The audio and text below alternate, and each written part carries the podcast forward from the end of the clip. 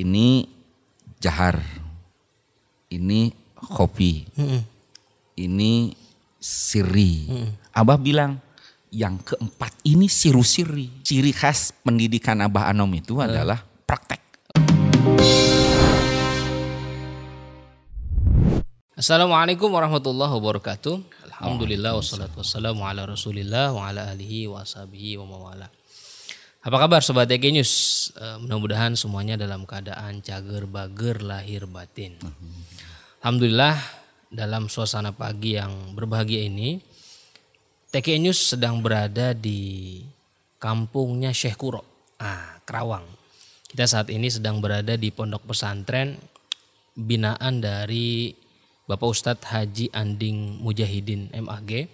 Beliau ini adalah salah seorang ikhwan, murid pengersabanom. Mudah-mudahan nanti kita bisa belajar nih dari pengalaman dan perjuangan beliau bagaimana berdakwah TKN di kampungnya Syekh Kuro. Assalamualaikum Ustaz. Waalaikumsalam warahmatullahi wabarakatuh. Sehat Ustaz? Alhamdulillah. Alhamdulillah. Deg-degan juga ini. Kedatangan orang-orang tasawuf Jakarta. Justru kita ke sini mau belajar Ustadz. Mudah-mudahan bisa banyak eh, inspirasi dari Ustadz nih yang banyak pengalamannya. Tadi kita Hmm. sebelum ke sini sempat eh, lewatin SDT, Al-Kifah, betul. Hmm. terus TKIT, Atakwa. Nah, dengar-dengar nih Ustadz. Iya. Itu Ustadz juga dulu ngebangun. Eh, Kalau boleh cerita gimana dulu Ustadz? Pengalaman. Jadi yang saya kan dulu lama ya di pesantren. Hmm. Terus masuk ke sini ke kampung eh, ada tokoh masyarakat mengajak untuk mengelola yayasan gitu. Hmm. Itu yayasan TKIT Atakwa itu sudah lama berdirinya itu 25 tahun, 25 tahun. eh, sebelum SD. Kemudian eh, ada niat kita bikin SD dan alhamdulillah Allah kabulkan tuh keinginan kita. Jadi tanpa banyak uang tapi jadi juga tuh SD. Tahun berapa tuh Ustadz? 2012 kalau nggak salah ya. 2012. 2012. Itu awal ngebangun ya? Awal Fondasi dari Jadi awal pisan. ceritanya kan saya ngajar di LBIK Jakarta. Oh LBK Jakarta. Ah, ada murid Mm-mm. ngasih zakat, Mm-mm. zakat mal, Iya. perhiasan. Mm. Eh, lumayan kalau untuk sendiri sih dapat dua motor itu 25 juta. 25 juta. Mm-mm. Tapi saya nanya sama muzakinya itu, Hmm. Bu, boleh nggak kita bikin sekolah dengan zakat ini? Boleh-boleh gitu. Hmm. Jadi yang 25 juta itu dibuat untuk bikin pondasi. Hmm. Ya, Alhamdulillah selesai pondasi selesai juga. nggak ada apa, tidak bisa lanjut lagi. Setelah itu baru halo-halo gitu ke murid-murid. Hmm. Alhamdulillah Allah bantu, Allah mudahkan banyak yang wakaf Hmm. sampai ketika saya haji kosasi itu, Mm. maksudnya haji dikosi ongkos orang gitu, Kesono dikasih. haji kos, ongkos yang dikasih orang itu, bangunan terus berjalan. Bangunan terus berjalan. Mm, padahal kita di Mekah itu, karena dia ngasih ada satu orang wakaf satu gedung. Allah. Jadi ada yang misalnya beli tanah, eh jual tanah, lalu dia sisihkan satu gedung buat kita. Ada lagi yang eh, dia dapat jatah dari orang tuanya haji plus. Mm-mm. karena bap suaminya pejabat gitu banyak duitnya. Udah ini ongkos hajinya buat bikin sekolah aja Sekolah gitu. aja, oh, Kan cepet 2012 2013 itu berdiri. Dua eh, dua tahun selesai. Dari 2013, 2010 2012 Dua- 2010 mulai 2012 sudah maju. Oh, enam 2010. lan, apa enam lokal dua lantai itu jadi alhamdulillah Dua tahun berarti. dua tahun selesai Itu kalau boleh tahu nih Ustadz, waktu ingin mendirikan sekolah itu niatnya apa sih? Ah, sederhana sebenarnya karena ini kan di kampung. Kalau di kampung itu akses ke pendidikan Islam yang bagus kan sulit. Oke. Sulitnya karena untuk mendapatkan pendidikan yang bagus harus ke kota dengan biaya mahal. Hmm. Kan sekarang pendidikan-pendidikan bagus di kota-kota itu kan rata-rata mahal. Niatnya kalau ada sekolah Islam bagus, masyarakat kita bisa masuk dengan murah. Karena itu sampai hari ini solok kita masih murah. Hmm. Satu bulan itu cuma 170 ribu. SDT. SDT. di kota sana udah 350, uang masuk udah 10 juta, 12 juta. Di kita masih 4 juta setengah udah masuk lah. Karena memang niatnya untuk membantu dan Allah mudahkan itu. Membangun SDM warga di Kerawang khususnya. Insya Allah.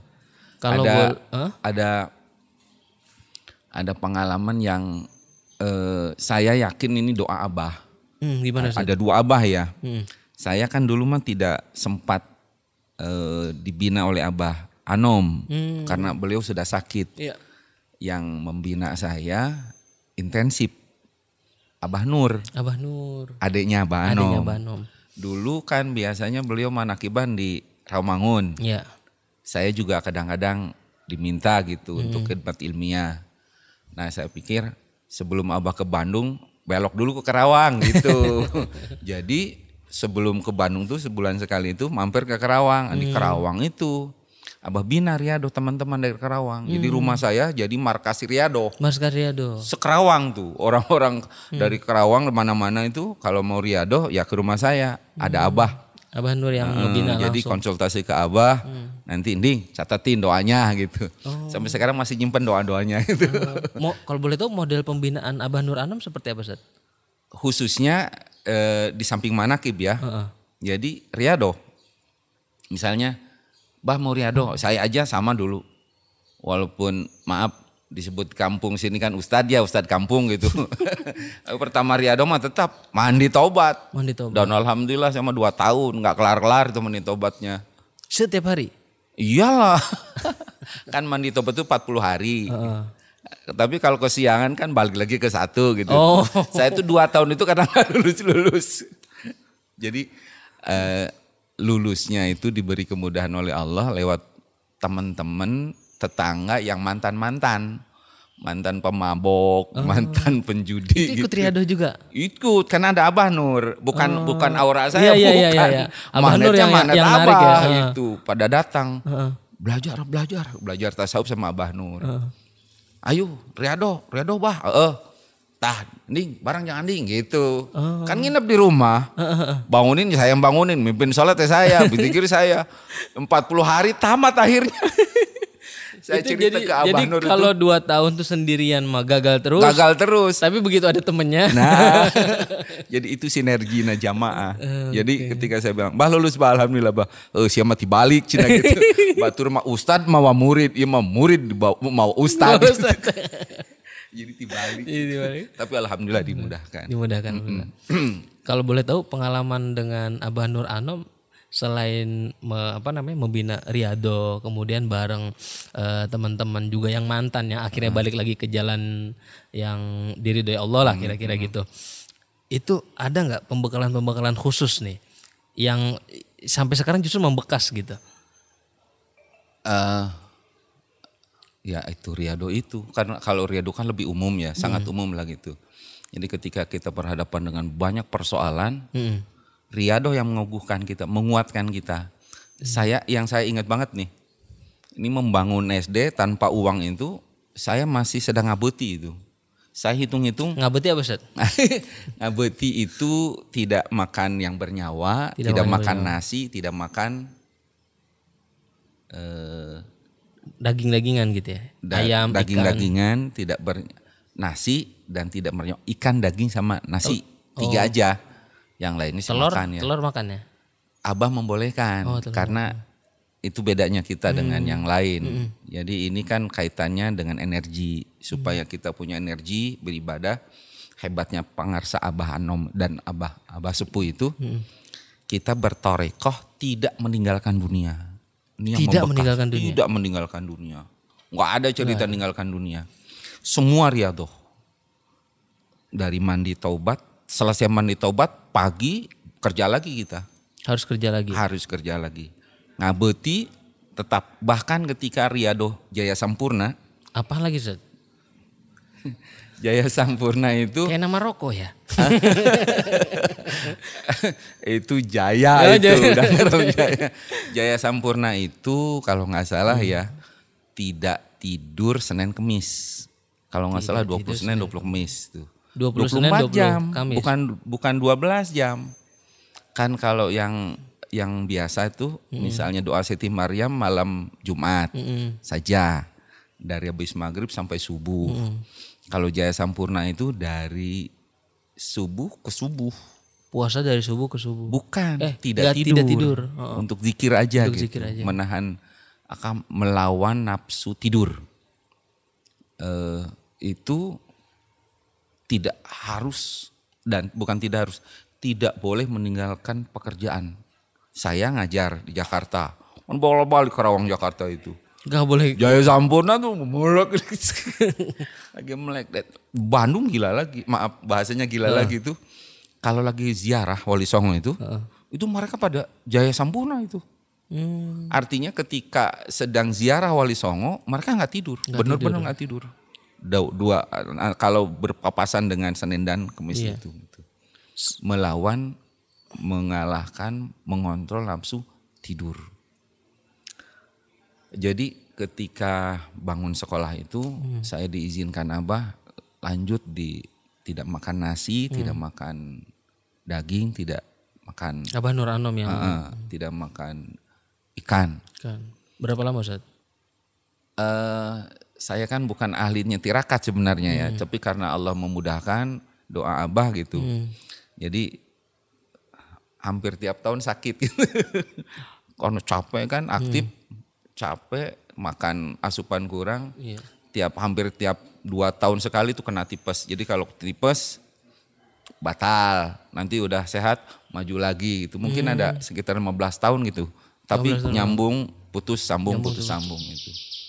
Alhamdulillah dengan doa Abah kita bisa membuat SD Islam. Jadi bangun sekolah itu justru bukan hanya usaha lahiriah tapi diiringi dengan riadah Ya, tadi Ustaz. betul.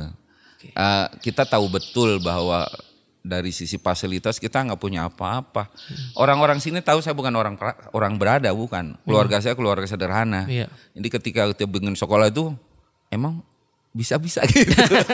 emang bisa jadi. Saya cerita, wah, kan yang kerja cuma empat orang. Disamperin sama orang sini. Mau bikin apaan? Sekolahan, berapa lantai? Dua. Yang kerja empat. Nah, enam tahun juga nggak kelar-kelar katanya gitu.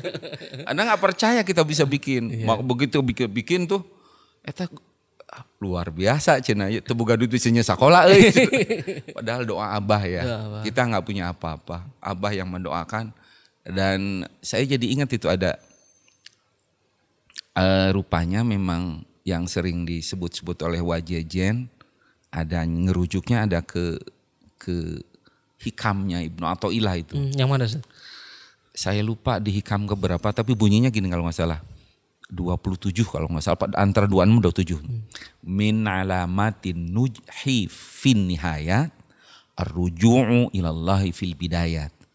Salah satu tanda kesuksesan di akhir itu adalah kembali ke Allah di awal. Nah, ini yang terasa benar di tasawuf kita di torikoh kita itu. Segalanya ndak boleh ada klaim, ada kekuatan kita, ada klaim, ada energi kita. Kita nggak punya apa-apa. Kan selalu kita bilang innalillahi Wa inna wa inna ilaihi rajiun. Maksudnya kan yang punya kekuatan, yang punya nafas, yang punya segalanya yang kita dipinjemin ke kita kan Allah. Iya. Dan kita kembali ke Allah dalam arti mengandalkan kekuatan Allah, menyandarkan kekuatan kita kepada kekuatan Allah. Itu Akidah, yang Ustaz, ya. dari awal kita zikir ilahi, Anda maksudnya anta maksudi warito komatlub itu saya kira itu maksudnya. untuk memperkuat akidah Ah, Ustaz, ya. kembali kembali ke Allah. kembali ke Allah. Kan banyak orang mah kembali ke Allah tuh di akhir.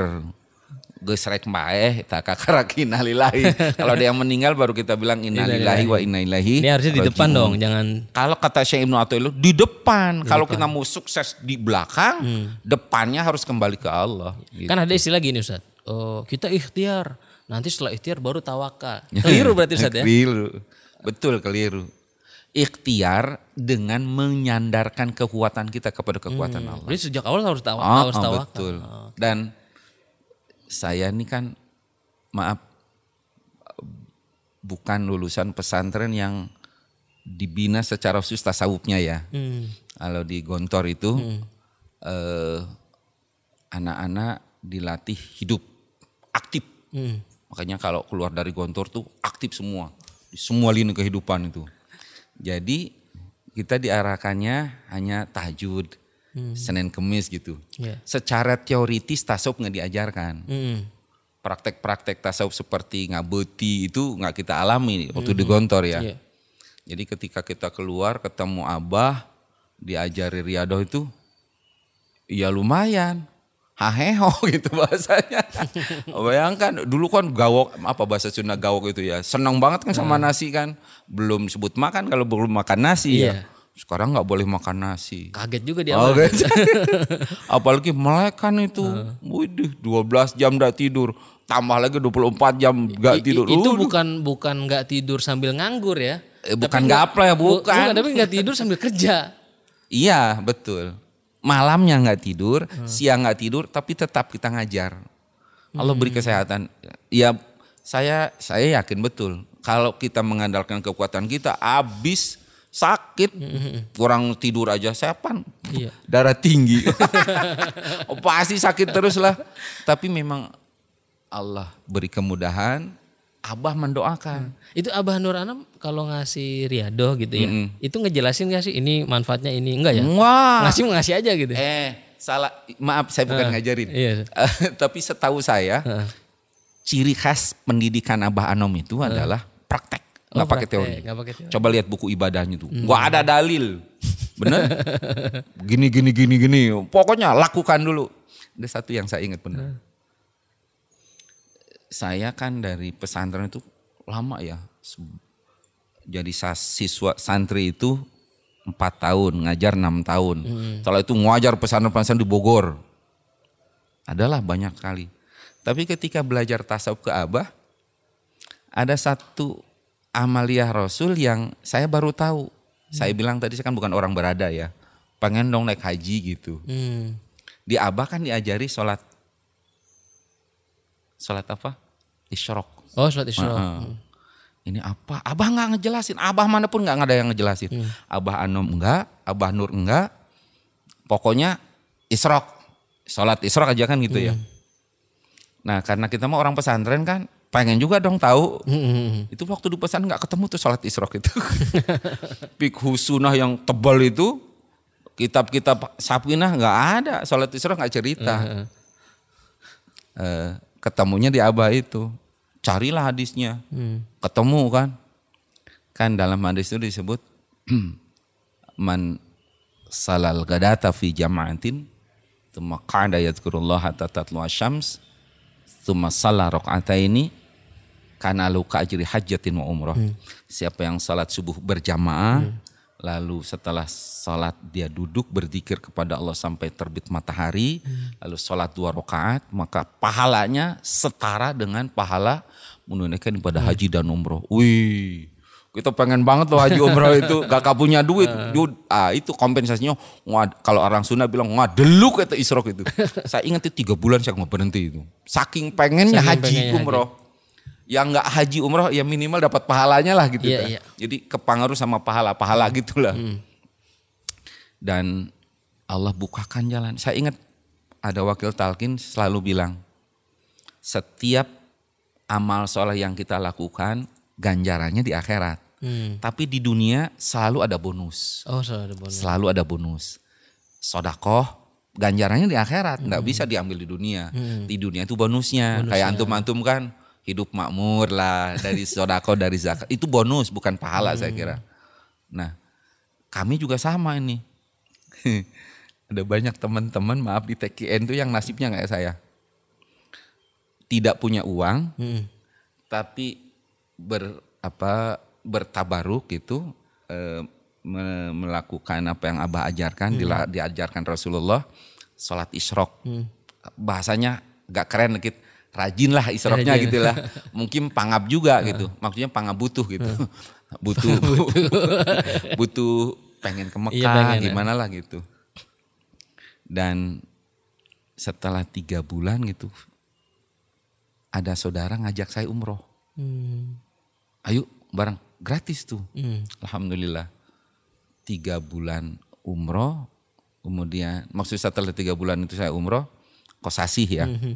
Lima tahun berikutnya Allah kasih Hmm. ongkos. Ada ada murid yang ngasih ongkos ke saya. Berdua haji. Hmm. Haji kosasi. Haji kosasi. Jadi umroh kosasi, haji, Haji kosasi. Maaf, saya nggak ngeledek ya. ada yang nasibnya kayak saya. Ajengan Nandri nasibnya sama saya itu. Oh iya iya. punya duit tapi berangkat haji sama istri, beliau itu. Dan saya tanya sama kosasi juga ada. ada pengiring apa satu lagi tuh, ajengan Yaya dari Tasik. Sama, maaf saya nggak ngeledek. Sama terbuka duit ke Suwing gitu. tapi karena rajin isroknya. Saya tahu mereka rajin-rajin isrok. Berangkat semuanya. Allah beri kemudahan itu. Jadi jadi ciri khas Abah itu mendidiknya nggak pakai teori banyak. Laksanakan dulu. Laksanakan aja. Nanti setelah dilaksanakan, terbukalah dalil-dalilnya itu. Kan orang pertama pada apaan? Saya yakin Orang kota kan pengennya landasan ilmiahnya apa Aduh. nih? saya ingat ketika eh, umroh kedua itu saya diajak oleh murid disuruh ceramah. Saya c- buka bab bab apa? Umroh tapi dapat pahala haji gitu. Itu ada salah seorang peserta umroh, jamaah umroh yang eh, mantan pejabat di Kementerian Agama. Dia bilang, emang ada hadisnya gitu. Nggak ada yang tahu itu. Artinya banyaklah yang tidak kenal Isrok ini. Saya bilang tadi di pikir nggak ketemu. Coba cari bab apa. Bab-bab sholat-sholat sunat dalam pikir-pikir standar. Iya. Sapina, kipayatul akhyar. Atau yang modern seperti pikir sunnah. Eueuh tah. Sholat Isrok eueuh gitu. Jadi dia ragu itu. Saya ngaji di Masjid Agung aja. Itu sholat tahun ya tak gitu. Jadi kita yang kemudian membukakan ada hadisnya memang sahih ya riwayat Turmudi. Kakarak nuhun tuh. Waduh, mantep banget itu. Sampai pulang dari Mekah itu umroh itu di bandara dia bilang, oh, Ustadz berkah ilmunya saya praktekkan selama di Mekah katanya." gitu. Itu ciri khas Abah. Ciri khas. Ciri khas Abah. Mendidik kita mengamalkan dulu Mengamalkan dulu. belakangan nanti ketemu juga Eh, karena memang eh, kan tidak semua murid abah itu intelektualitasnya tinggi apalagi berlatar belakang pesantren. Iya. Heula amalkeun tapi tetap ada pembimbing kan? Wakil talkin para ustadz itu. Iya, balik. dan nanti mereka yang bukakan. Abah enggak? Dah bahasanya kira-kira maraneh we geus membukakeun gitu ya kita-kita yang wajib membukanya gitu. Luar biasa Ustaz. Jadi pengalaman belajar riadoh dibimbing sama Abah Nur Anom. ya alhamdulillah Nih saya mau beralih sedikit Ustaz. Ustaz kan juga pernah punya beberapa karya terjemah. Mm-mm. Di antaranya karyanya pengersa Banom, Miftahul Sudur, dan terutama karya Sultanul Aulia, eh, Sirul Asror. Mm-mm. Nah, punya pengalaman khusus nggak Ustaz? Waktu menerjemahkan kitab-kitab itu tuh. Eh, malu kita nyebutnya ya. Gini. eh, eh, saya nerjemahkan Sirul Asror itu belum ditalkin. Jujur aja ya. Ini pengalaman saya mirip-mirip pengalaman Pak Profesor Abdul Somad sebelum dia jadi Ustadz ngetop. Dia pernah cerita. Waktu dia nggak punya job, kan nggak lulus tuh dia tes di UIN. Iya. Jadi PNS di UIN kan nggak lulus. Uh, Waktu itu kata dia pekerjaan dia apa? Nerjemahkan buku. Yang kemudian dijual bebas, dijual lepas gitu tuh. Ya, Saya juga sama. Pekerjaan kita ya kan kita mah bukan birokrat, bukan pengusaha, bisa aja sedikit bahasa. Jadi di sela-sela kesibukan kita ketika off mengajar itu nerjemahkan buku lalu dijual lepas gitu. Beberapa sebenarnya bukan hanya tiga itu, ada beberapa buku lain sudah kita terjemahkan dan sudah beredar di masyarakat, termasuk Fathur Rabbani itu. Oh, Fathur Rabbani. Saya ambil-ambil dialog dengan eh, perumpamaannya Kanjeng saya dalam Fathur Rabbani itu. Lah, satu ketika tetangga saya pulang dari Mesir. Hmm. dia bawa banyak kitab saya diajak ke rumahnya.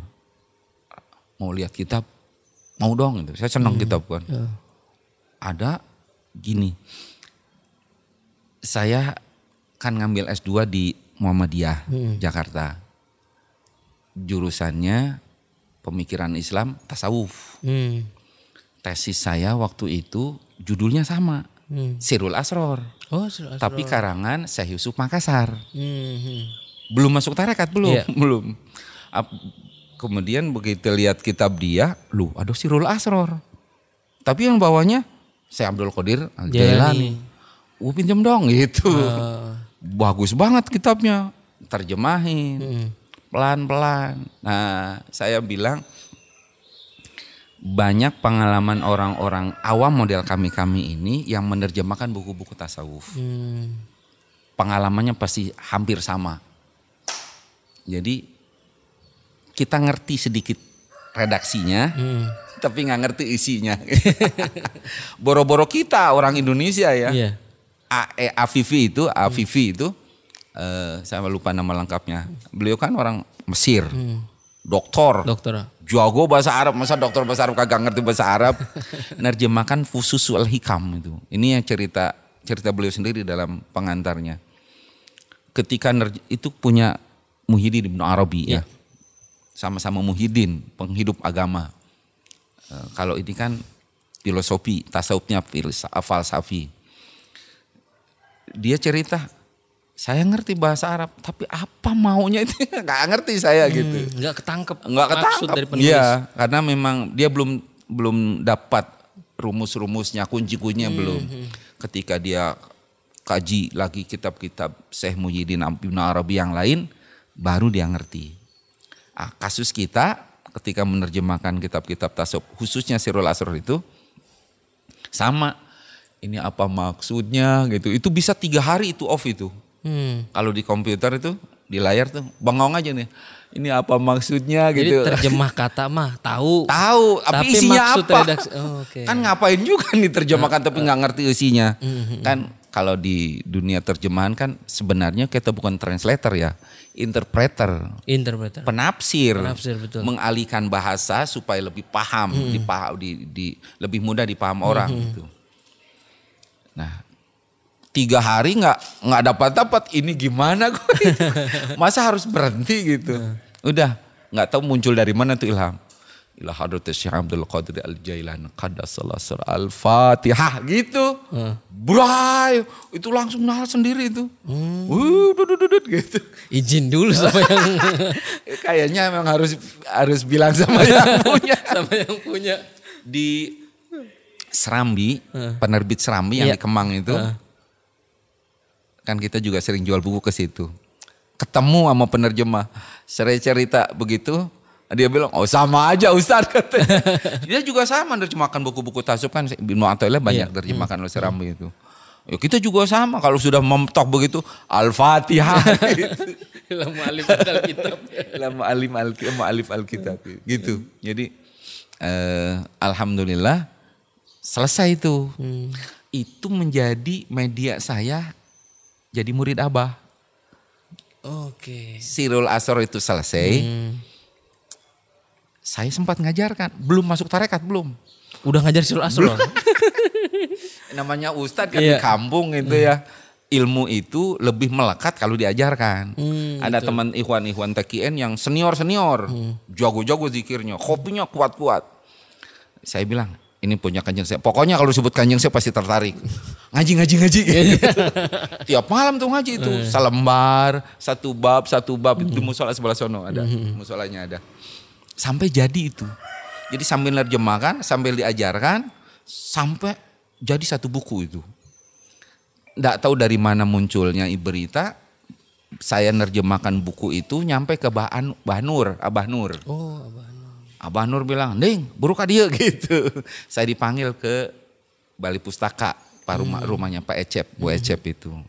Barulah, setelah itu ya udah, saya sekali ditalkin sama Abah Nur. Hmm, Jadilah gitu beliau yang kemudian me- me- menerbitkan buku itu. Menerbitkan. Saya wakafkan, saya nggak tahu berapa, nggak nggak nggak pernah minta honor. Udah saya wakafkan aja. Sirul Asror gitu. itu. Sirul Asror itu.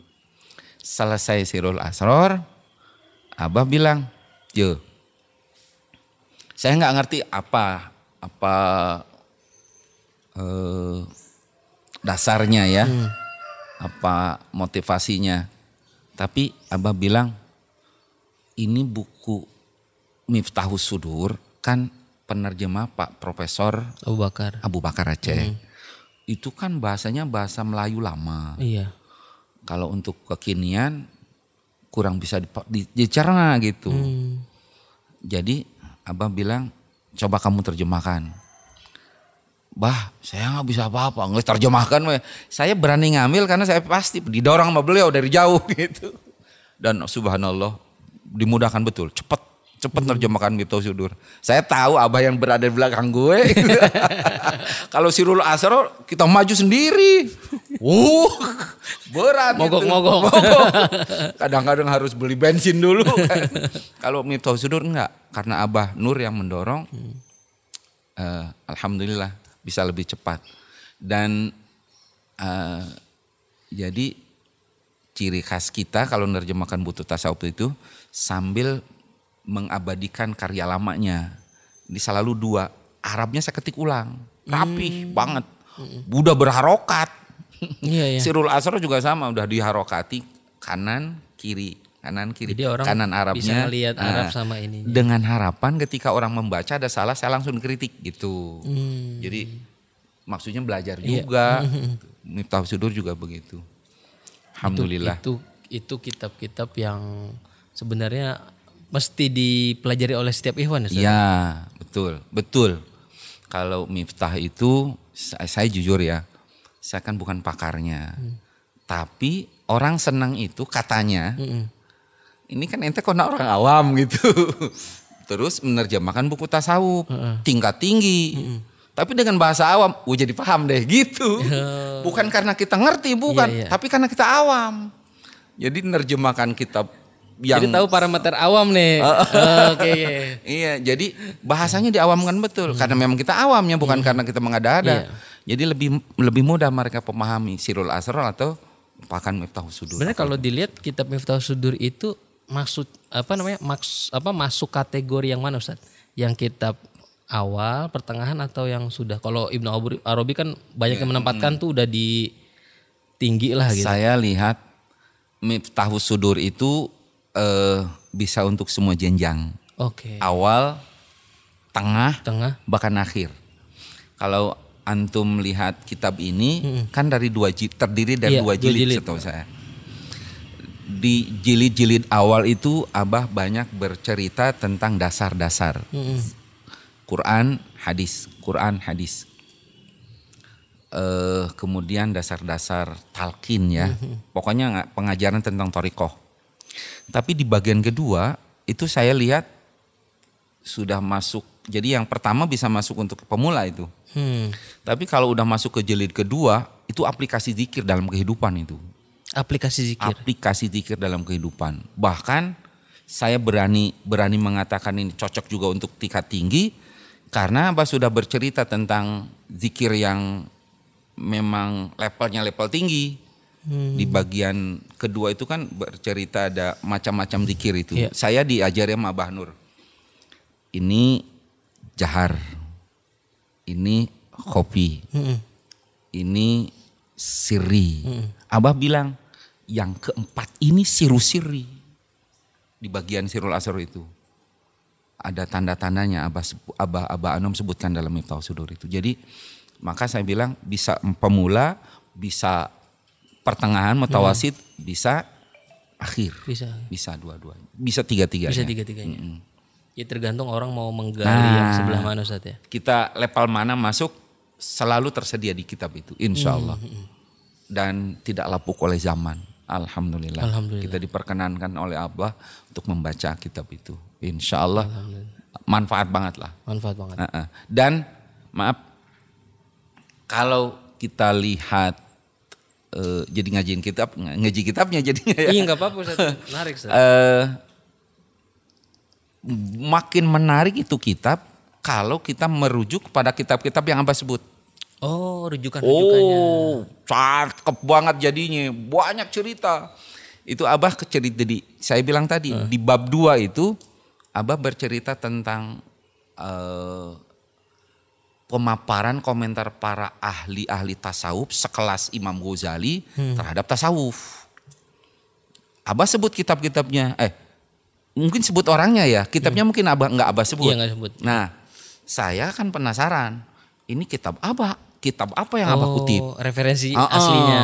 Ketemu. Oh, ketika ketika mengutip pendapat Imam Ghazali bahwa orang tasawuf tuh begini begini begini, tasawuf tuh gini gini gini. Saya cari-cari. Ini kitab apa kira-kira? Ketemu Al-Munkid Minad Dolal. Waduh, jadi rame itu. Aduh. Oh, oh, karena bercerita cerita tentang Imam Ghazali ketika dia masuk tasawuf. Iya. Dan maaf, ketika dia mulai uzlah, widih. Uzlah itu kan sudah masuk prakteknya tasawuf kan? Uzlah, maaf. Kalau Aji Bahasan ini kan nyebutnya dua uzlah itu. Satu al-uzlah bil kalbi wal kolab. Raga dan hati uzlah dua-duanya. Itu yang dilakukan oleh ulama-ulama. Terus yang kedua uzlah bil kalbi dunal kolab Hmm. hatinya aja yang kita bisa lakukan kan yang terakhir nih Iya. kita bisa berada dalam kerumunan banyak orang tapi kolbu kita Uzlah. uzlah hanya hanya berper- berteraput kepada Allah dicontohkan oleh Sayyidah Rabi'ah al-Adawiyah itu ragaku bersama dengan temanku tapi kekasih hatiku hanya ada dalam kolbuku gitu dalam fuad Eh, jadi kalau Imam Ghazali nggak ngambil yang kedua yang pertama dia Yang dua-duanya. kolbu dan kolab. Padahal dia adalah guru besar Madrasah Nizomiyah. Universitasnya lah waktu Iya. itu. Rektornya? Imamul Haramain kalau nggak salah itu. Dia banyak murid, banyak ngajar, harus uzlah. Iya. Apa bahasa gitu? Pak Jojot itu. Kakinya tuh dibenyeng ke sini, dibenyeng ke sana kalau orang Sunda ya. Tarik sana, tarik sini sampai dia sakit. Ah, setelah sakit, kemudian akhirnya pelan-pelan tinggalkan ngajar lalu uzlah. Hebatnya dari uzlah itu dia dapat itu. Ihya Ulumuddin itu diyakini sebagai hasil dari Uzlah. ya. uzlah itu. Dan bukan hanya itu. 104 kitab dia tulis. Padahal umurnya cuma 54 tahun. Masya Allah. Hasil uzlah tuh. Gitu. Jadi ceritanya jadi menarik ketika merujuk kepada kitab aslinya. Itu pintarnya Abah. Cuman disebutnya kutipannya aja. Ini bilang begini. Lah kan muridnya bilang, Ini ada di kitab apa, apa, nih? sih ah, gitu. Ah. Jadi menarik kitab Menarik. itu kalau merujuk pada kitab-kitab yang Abah sebut. Jadi abah tuh sebenarnya walaupun isinya tipis, tapi kalau orang mau nyelam, dia nemuin dalam dunia yang lebih betul. luas lagi. Itu yang saya maksud. Mengapa kitab ini cocok untuk level mana pun Level mana pun. tasawuf. Masya Allah. Terima kasih banyak nih Ustadz Anding sudah berbagi di podcast Tasawuf. Mudah-mudahan semua yang Ustadz Anding bangun, rintis, mulai Mohon dari doanya. sekolah, pesantren, majelis juga, semuanya ini bisa berkembang eh, sesuai harapan, mendapatkan sama-sama guru kita, guru kita bersama pengarsa Banom. Terima kasih banyak Ustadz Anding. Afan, afan. Eh, eh, mudah-mudahan ini jadi keberkahan Ustadz. Amin. Oke, Sobat TK News, makasih banyak nih sudah menyaksikan dan mendengarkan podcast Tasawuf. Kita jumpa lagi di Sabtu mendatang. Jangan lupa download aplikasi TK News. Terima kasih juga untuk teman-teman yang sudah mendukung dakwah digital TK News. Mudah-mudahan kita senantiasa mendapatkan keberkahan dari Allah Subhanahu wa taala. Assalamualaikum warahmatullahi wabarakatuh.